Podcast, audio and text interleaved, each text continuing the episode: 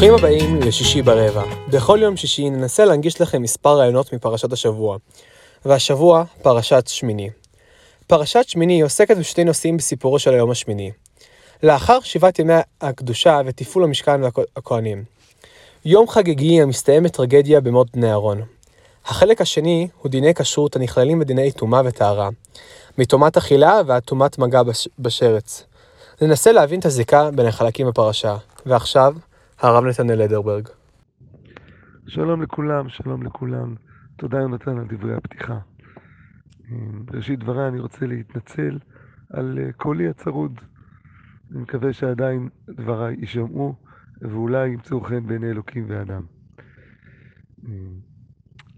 פרשת השבוע שלנו היא הפרשה השלישית בספר ויקרא, פרשת שמיני. בנוסף לפרשת שמיני שקוראים השבת, השבת, עקב היותנו רגע לפני ראש חודש ניסן, לפני חג הפסח, נוהגים לקרוא גם את פרשת פרה, שמופיעה בספר במדבר בפרשת חוקת. אז אני אנסה במהלך דבריי להתייחס לשני הנושאים, גם לפרשת השבוע, פרשת שמיני, וגם לפרשת פרה, ואולי, אולי אפילו למצוא קשר ביניהם. נפתח בתחילה בפרשת השבוע. פרשת השבוע, פרשת שמיני, היא, אפשר לחלק אותה מעוף הציפור לשני נושאים. הנושא הראשון הוא היום השמיני. אם עד עכשיו תיארנו את ימי המילואים, את ימי ההכנה של הכהנים, הפיכתם מאנשים להיות חלק מכלי המשכן, אחרי פירוט סוגי הקורבנות השונים, כאן, כאן מופיע תיאור של מה קורה ביום השמיני. תיאור מפתיע, שלא לא היינו מוכנים אליו לפני.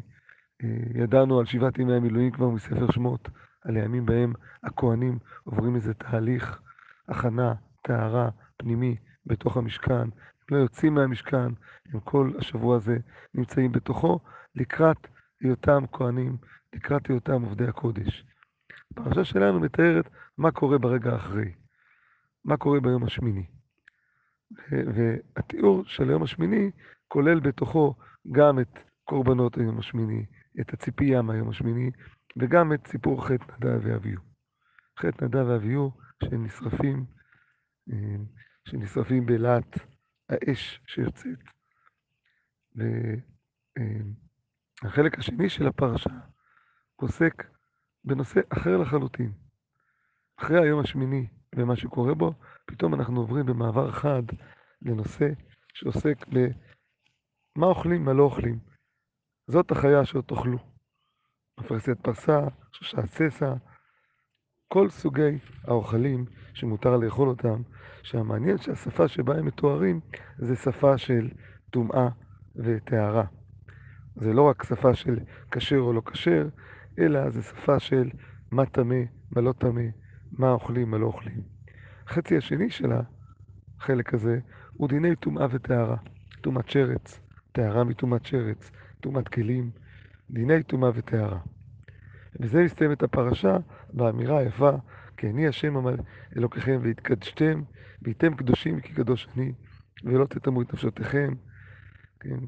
אני השם המלא אתכם מארץ מצרים, אצלכם לאלוקים, והייתם קדושים כי קדוש אני, הדגשה כפולה, שענייני אכילה וענייני טומאה וטהרה, הם נכללים במושגי הקדושה.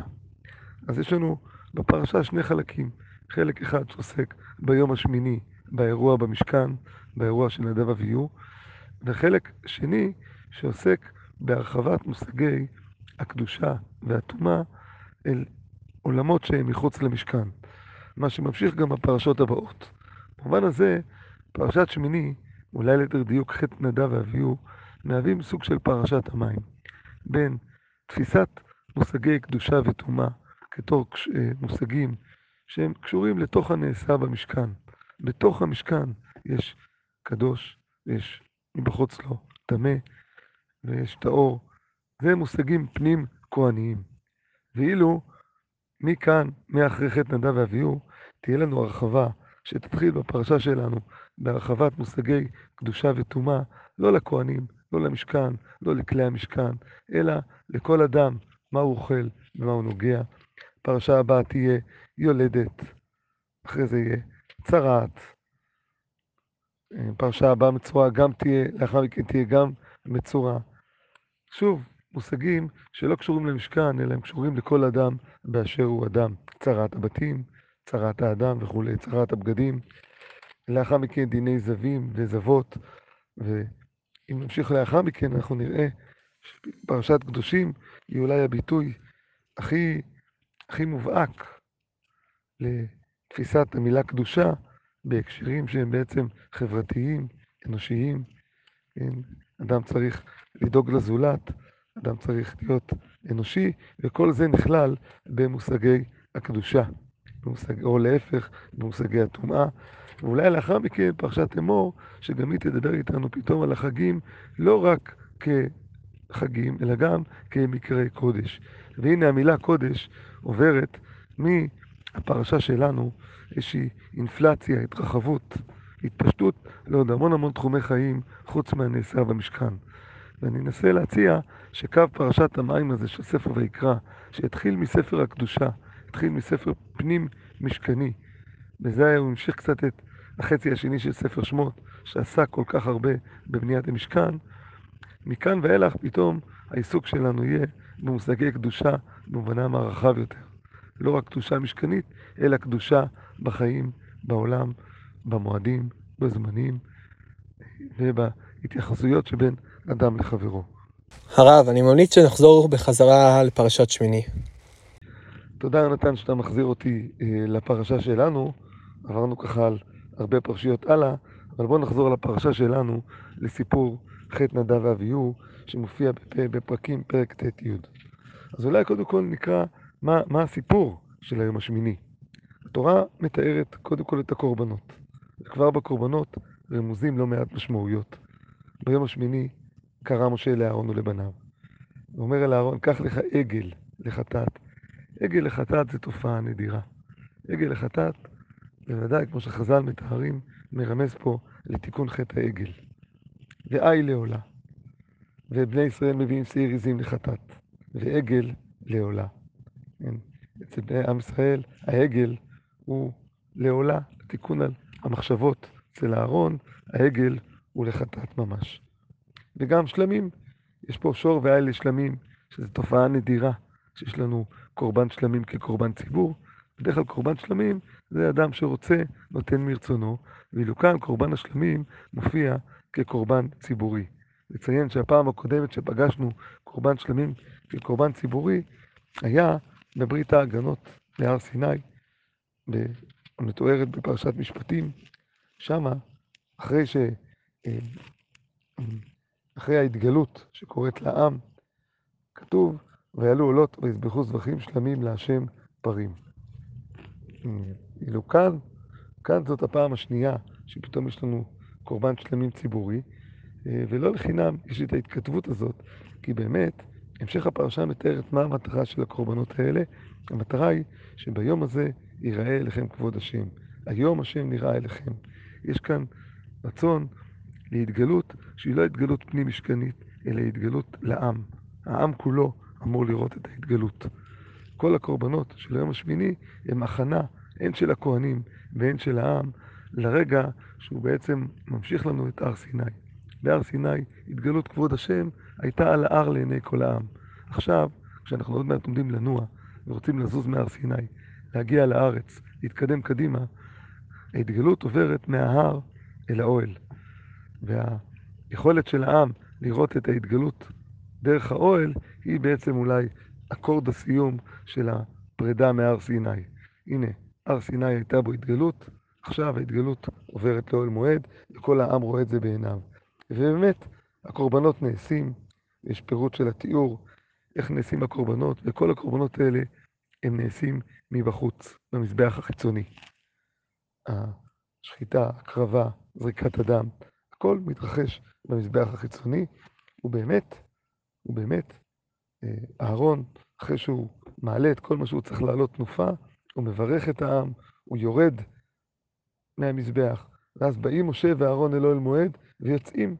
אין דבר שהם עושים באוהל מועד, הם רק מגיעים, אז יוצאים, ואולי זה גם הדימוי של מה שיקרה עכשיו, שהשכינה תצא מאוהל מועד ותגיע אל העם, ויצאו ויברכו את העם, וירא כבוד השם אל כל העם, ואז יש כאן פסוק מרתק שחוזר על עצמו פעמיים. ותצא אש מלפני השם, זאת הפעם הראשונה, ותאכל על המזבח את העולה ואת החלבים. והתגובה היא מפתיעה, וירא כל העם, וירונו, ויפלו על פניהם. יש כאן רגע של התגלות. העם עומד מחוץ לאוהל, הפתח פתוח, רואה מה קורה בפנים, ומה שהוא רואה זה שהאש יוצאת מהאוהל, עולה על המזבח, מעלה את הקורבנות, הוא רואה את כבוד השם, והתגובה שלו זה רינה, וירונו, שמחה, אשרינו שזכינו להידבק בבוראנו, אשרינו שזכינו לראות את כבוד השם מתגלה, וכולם קוראים, נופלים, משתחווים, עומדים מול הגילוי של אלוקים, שהוא לרגע יוצא מהאוהל, עובר אל המזבח, ובעצם מתגלה לעיני כל העם. אבל אז כתוב פסוק נוסף, שהוא מנוסח באותה צורה, ותצא אש מלפני השם. בדיוק כמו שקראנו קודם, אבל הפעם האש הזה יוצאת בעקבות נדב ואביהו, שיוצאים ממחתתם ונותנים בה אש ושמים עליה קטורת. ומקריבים אש זרה, אשר לא ציווה אותם. אפשר לראות את זה כשני אירועים כרונולוגיים. יצא אש, נראה כבוד השם, כל העם משתחווה. יצא אש, שרפה את נדב ואביהו. אבל אפשר לראות את זה כשתי זוויות של אותו אירוע. כביכול שתי מצלמות. מצלמה אחת מצלמת את העם שרואה את האש יוצאת מפנים המשכן ושורפת את הקורבנות, והם רואים את זה כגילוי כבוד השם. מצלמה שנייה רואה את נדב ואביהו רצים ברגע לא מוצלח, עם קטורת ביד שלהם, לפתח אוהל מועד.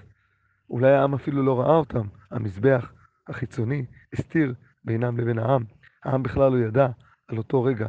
העם התרגש, העם התפעל, אבל באותו רגע, באותה אש שהוא התרגש, באותה אש בעצם, נשרפו נדב ואביהו שרצו עם מחתה בידם. והם רצו להקטיר קטורת, קטורת ישן, עם מיסוך. ואולי עוד זווית להסתכל על סיפורם של נדב ואביהו, מעבר לכל הפירושים הרבים שניתנו להם אה, בחז"ל, זה שנדב ואביהו, כשהם באים עם הקטורת ביד שלהם, הם מנסים ליצור הסתרה, מסווה, מסך, עשן. האש, האש גדולה, צריך לכסות אותה בעשן הקטורת. הניסיון לכסות בעשן הקטורת הוא ניסיון לצמצם את הגילוי, להפחית את עוצמת האש, להפחית את עוצמת הגילוי לעם כולו, כביכול להשאיר את הקודש בתוך המשכן. במובן הזה, באותה אש שבה העם מתפעל, רואה את כבוד השם, באותה אש, בגלל שהם הגיעו אולי בזמן הלא נכון, אולי אפילו, כמעט הייתי אומר, באיזושהי טעות, רצו בטיימינג ממש לא מוצלח, באותה אש הם נשרפים. וה, והלימוד כאן אה, לדורות הוא בעצם, אה, הוא בעצם המשך החלק השני של הפרשה. הכהנים, אחרי שבעת ימי מילואים, הם רגילים לגילוי השכינה בפנים. הם רגילים לפעמים שהקודש הוא רק מה שקורה בעולמנו הפנימי. המחשבה שאפשר להוציא את הקודש החוצה, שאפשר לפרוץ אותו לכל מקום, היא מחשבה שלפעמים לא קלה לעיכול למי שמתרגל לאיזשהו עולם של קדושה פנימית. לעולם שכביכול רק מי שדובר יידיש יכול להרגיש אותו. איזשהו עולם פנימי עם מקצב פנימי, עם חוקיות פנימית, עם לבוש פנימי. והנה פתאום הקדושה רוצה לצאת החוצה. ואז מי שמונע אותה, או מי שרוצה לשמור על טהרתה ועל ייחודה ועל לא לגלות את הכל, זה דווקא האנשים הפנימיים שבעצם עומדים ורוצים לשים קטורת כאן, רוצים להסתיר. ואילו העם, העם בשל, מחכה, רוצה לראות את האש. והנה, באותה אש שיוצאת להתגלות לעם, באותה אש עצמה, נדב ואביהו נשרפים, מאבדים את, ה, את חייהם בגלל הרצון שלהם כביכול לגונן על הקדושה, לגונן על הקודש. מבחינה הזאת, אם ההסבר הזה נכון, ויש עוד הרבה מה לדבר על המשך הפרשה, על קורבן החטאת ולדיון בין משה ואהרון, אבל אם ההסבר הזה נכון לחטא נדב ואביהו, אז אנחנו מבינים הרבה יותר, הרבה יותר טוב את ההמשך. ההמשך, שבו הפרשה מתחילה לדבר על טומאה וטהרה כמושגים שלא קשורים בכלל למשכן, הוא בעצם מעין תשובה לעולם, לאהרון ולכהנים. עברתם שבעת ימי מילואים, עברתם עולם פנימי, חוויתם את הקודש, אבל הקודש הוא גמיש. הקודש יכול להתגלות גם במקומות לא צפויים. הקודש יכול להתגלות גם בחוץ. אי אפשר לשמור את הקודש רק בפנים, הקודש אמור גם לפרוץ החוצה לעולמות שבחוץ.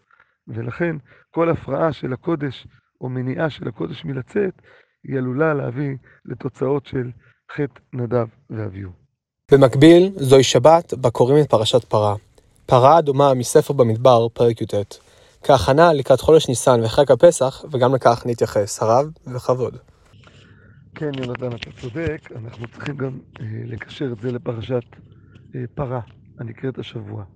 אז אולי הקישור הראשון זה שבחלק השני של הפרשה, שמרחיב את מושגי הקדושה והטומאה לעניינים חוץ משכניים, מובאים אה, הלכות טומאה.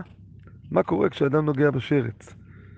ואולי הדבר הכי חשוב להלכות טומאה וטהרה, מה קורה כשאדם נוגע באבי אבות טומאת הטומאה, באמת? הטהרה, דרך אפר פרה אדומה, היא לא מופיעה בספר ויקרא בכלל. היא מופיעה אך ורק בספר במדבר. והקושייה, אולי הבסיסית, זה למה סיפור פרה אדומה הובא בתוך פרשת ספר במדבר, אחרי סיפור חטא המרגלים ופרשת קורח. מה, מה הוא עושה שם בדיוק? מה תפקידו שם? אמנם מוזכרים מי חטאת עוד קודם לכן, אבל עיקר, או הפירוט של הלכות פרה אדומה, מופיע בספר במדבר, בפרק י"ט, פרשת חוקת. אז אולי ההסבר לזה, הוא שיגע גם בעניינה של פרה אדומה, זה שפרשת חוקת היא המעבר מהשנה השנייה לשנת ה-40. התורה עיממה קצת את זה, היא לא כתבה את זה במפורש. סיפור כוח ועדתו קורה עדיין בשנה השנייה, אחרי שהם מתבשרים שהם עתידים להישאר במדבר. הבשורה שלדור הזה, לדור שלם, שסופו הוא במדבר, יכולה לייצר כל מיני תסכולים. תסכול אחד, אוף, למה לא תיקח אותנו לארץ הקודש, לארץ זבת חלב ודבש? תסכול שני, בוא נהיה צדיקים פה, אין לנו מה לעשות במדבר חוץ מלהיות קרובים להשם. כל הקולות האלה נמצאים בתוך סיפור קורח ועדתו. סיפור של משבר שנובע בין היתר מזה שאין להם אופק. הפרשה שלנו היא מתחילה, פרשת חוקת, סליחה, לא שלנו, פרשת חוקת שמתחילה פרשת פרה, היא מתחילה בדיני הפרה, ואז היא עוברת לספר על מות מרים. והתורה כתבה כאן תאריך שבאופן נדיר הוא חלקי. בדרך כלל התורה יכולה או לא לכתוב תאריך, או לכתוב בחודש, בשנה. ואילו כאן התורה כתבה, ויבואו בני ישראל כל העדה המתברצין בחודש הראשון, וישב העם בקדש, ותמות שם מרים. התורה דילגה על השנה. והשנה היא שנת ה-40. אנחנו נדע את זה מפרשת מסעי, על פירוט על הארון, אבל כאן התורה לא כתבה את השנה, אולי כדי לעמעם קצת אה, את הפער, את המעבר הזה. דור שלם נפטר, דור שלם מת, דור שלם החליף, פינה את מקומו לדור החדש, והתורה לא רצתה לכתוב את זה בצורה חדה, לא רצתה לכתוב את זה בצורה אה, אה, בהירה, אלא דווקא לפעמים טוב לעמעם החלפה בין דורות, לא לזלזל בדור הקודם, לא מיד להגיד, הנה דור חדש הגיע, אלא קצת לעמעם ולטשטש את המעבר. ואולי, אולי זה הסיבה שפרשת פרה, שבאה לתאר מטומאת מת, היא נבחרה להיות החוליה המחברת בין שתי דורות. היא הריקוים לזכרו של דור שנעלם. דור שעבד במדבר, דור שלם, 38 שנה. הדרך לסמן את המעבר בין הדורות הוא בעצם לספר על הטהרה מטומאת המת. הדר... למה צריך לספר כל כך על טהרה מטומאת מת? כי דור שלם מת. ואז התורה בחרה לחכות עם סיפור פרה אדומה, כדי לסמן דרכה את המעבר מהשנה לשנייה לשנת ה-40. מה יש בסיפור של פרה אדומה? מה מייצר את סיפור פרה אדומה? אז אולי נציין פרט אחד קטן, והוא שתהליך הכנת פרה אדומה הוא תהליך שנעשה מחוץ למשכן. או לימים בבית המקדש, כמו שהמשנה בפרה מתארת, הוא יעשה בהר הזיתים מול מקום הקודש. ההקרבה, השחיטה, אפילו הזעת אדם וזריקתו, הם אינם נעשים על כלי המקדש, על המזבח, אלא הם נעשים דווקא מבחוץ. יש משהו בסיפור פרה אדומה שמנסה להדהד חוץ ופנים. הנה, יש את הפנים, יש את החוץ, ובחוץ אפשר להיות בפנים. החוץ והפנים לא באמת סותרים אחד את השני. אפשר שהחוץ והפנים יהיו זהים. משהו מזה גם בא לידי ביטוי בחיבור בין ארז, הכי חזק, לאזוב. אבל משהו מזה בא לידי ביטוי גם אולי בסיפור הפרה עצמה. הנה, הפרה עצמה היא פרה אדומה. מה המשמעות של פרה אדומה? אולי שגם הפנים וגם החוץ הם כביכול באותו צבע. יש כאן חיבור, תוכו כברו. החוץ והפנים זהים. ההתמודדות עם הטומאה, עם המוות, עם הסופיות, עם הפערים, היא ניסיון לצייר, לצייר סיפור שאין פערים בו. כדי לתקן את הפערים צריך סיפור שאפשר בלי פערים. שהחוץ והפנים, הלמעלה והלמטה, הרחוק והקרוב, כולם בעצם יכולים להימצא בסוף בנקודת אחדות. כולם בסוף הם אפר. כולם הם מגיעים לנקודת העין שממנה יכול להתחיל הכל מחדש. במובן הזה הסמלים של פרה אדומה עצמה, האדום, החוץ והפנימי. הסמלים של החוץ והפנים, וגם תולעת השני עצמה, שזה צבעים זהים, פנים וחוץ, הם באים לסמל את הדרך להתמודד עם הטומאה או עם הצד הרע, על ידי החיבור של הדברים לתמונה אחת, לתמונה אחת אחדותית שמאפשרת לראות תמונה שלמה שמאחדת בין החוץ לפנים. אולי אה, נסיים בזה שהבחירה בפרה האדומה היא באמת בגלל שהיא החיה היחידה שיכולה להיות עם צבעים זהים. גם הפנים הוא אדום וגם החוץ הוא אדום. אה, כבשים, עיזים, שאר הקורבנות שמביאים למקדש, הם לא יכולים להיות כאלה. יש לי עיזים שחורות, עיזים כבשים לבנות, אבל אין לי עוד בעל חיים מסוג הבעלי חיים שמוקרבים במקדש, שהחוץ והפנים שלהם זהה. בעלי החיים במקדש שהוקרבו, הם היו בעלי חיים של רועי צאן, של נוודים. אדם שבא למקדש, שהיה ברוב השנה כשר לפסח, רוב הקורבנחות היו קשורות לפסח, הוא בא בתודעת נוודות. הוא בא בתודעה שהוא חוזר כביכול להיות הארעי מול המקום הקבוע של אלוקים. אז זה יכול להביא איתו חיות של רועי צאן, יכול להביא איתו כבשים, עיזים, פרות, עגלות. יש חריג שנקרא אלים, שעיר עיזים, אבל הוא לא יכול להביא דברים שהם לא מהעולם המבוית שלו. כי העולם המבוית מלמד על היותו רועה צאן שמביא מהמרעה שלו. פירות למשל, אמנם אדם מביא בביקורים, אבל הוא לא מקריב אותם על המקדש. רק, רק הכהן מניף אותם. אדמה, פרי האדמה, הוא מובא עד למקדש. הצאן, הבקר, המצה, שמזכירים את היותי נווד, המנחות, אותם אפשר להביא אל הקודש, כי בעצם הבאתם אני מסמן את היותי ארעי ונווד מול הדבר הקבוע, שזה אלוקים.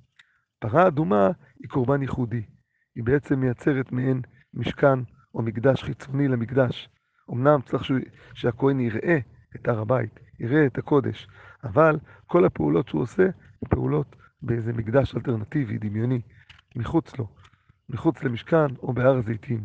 שוב, החיבורים בין חוץ לפנים מגלים שהקדושה שבפנים יכולה להתגלות בחוץ, או אולי חייבת להתגלות בחוץ, ובזה חזרנו לפרשה שלנו, שהיא קו פרשת המים של ספר ויקרא. עברנו מעולם המשכן הפנימי בלבד, טומאה וטהרה, קדושה כמושגים משכניים, לאינפלציה והרחבה של המושגים לכל תחומי החיים שלנו, מדיני טומאה וטהרה, אכילה, מגע, ועד למועדים או פרשת קדושים תהיו. שבת שלום לכולם.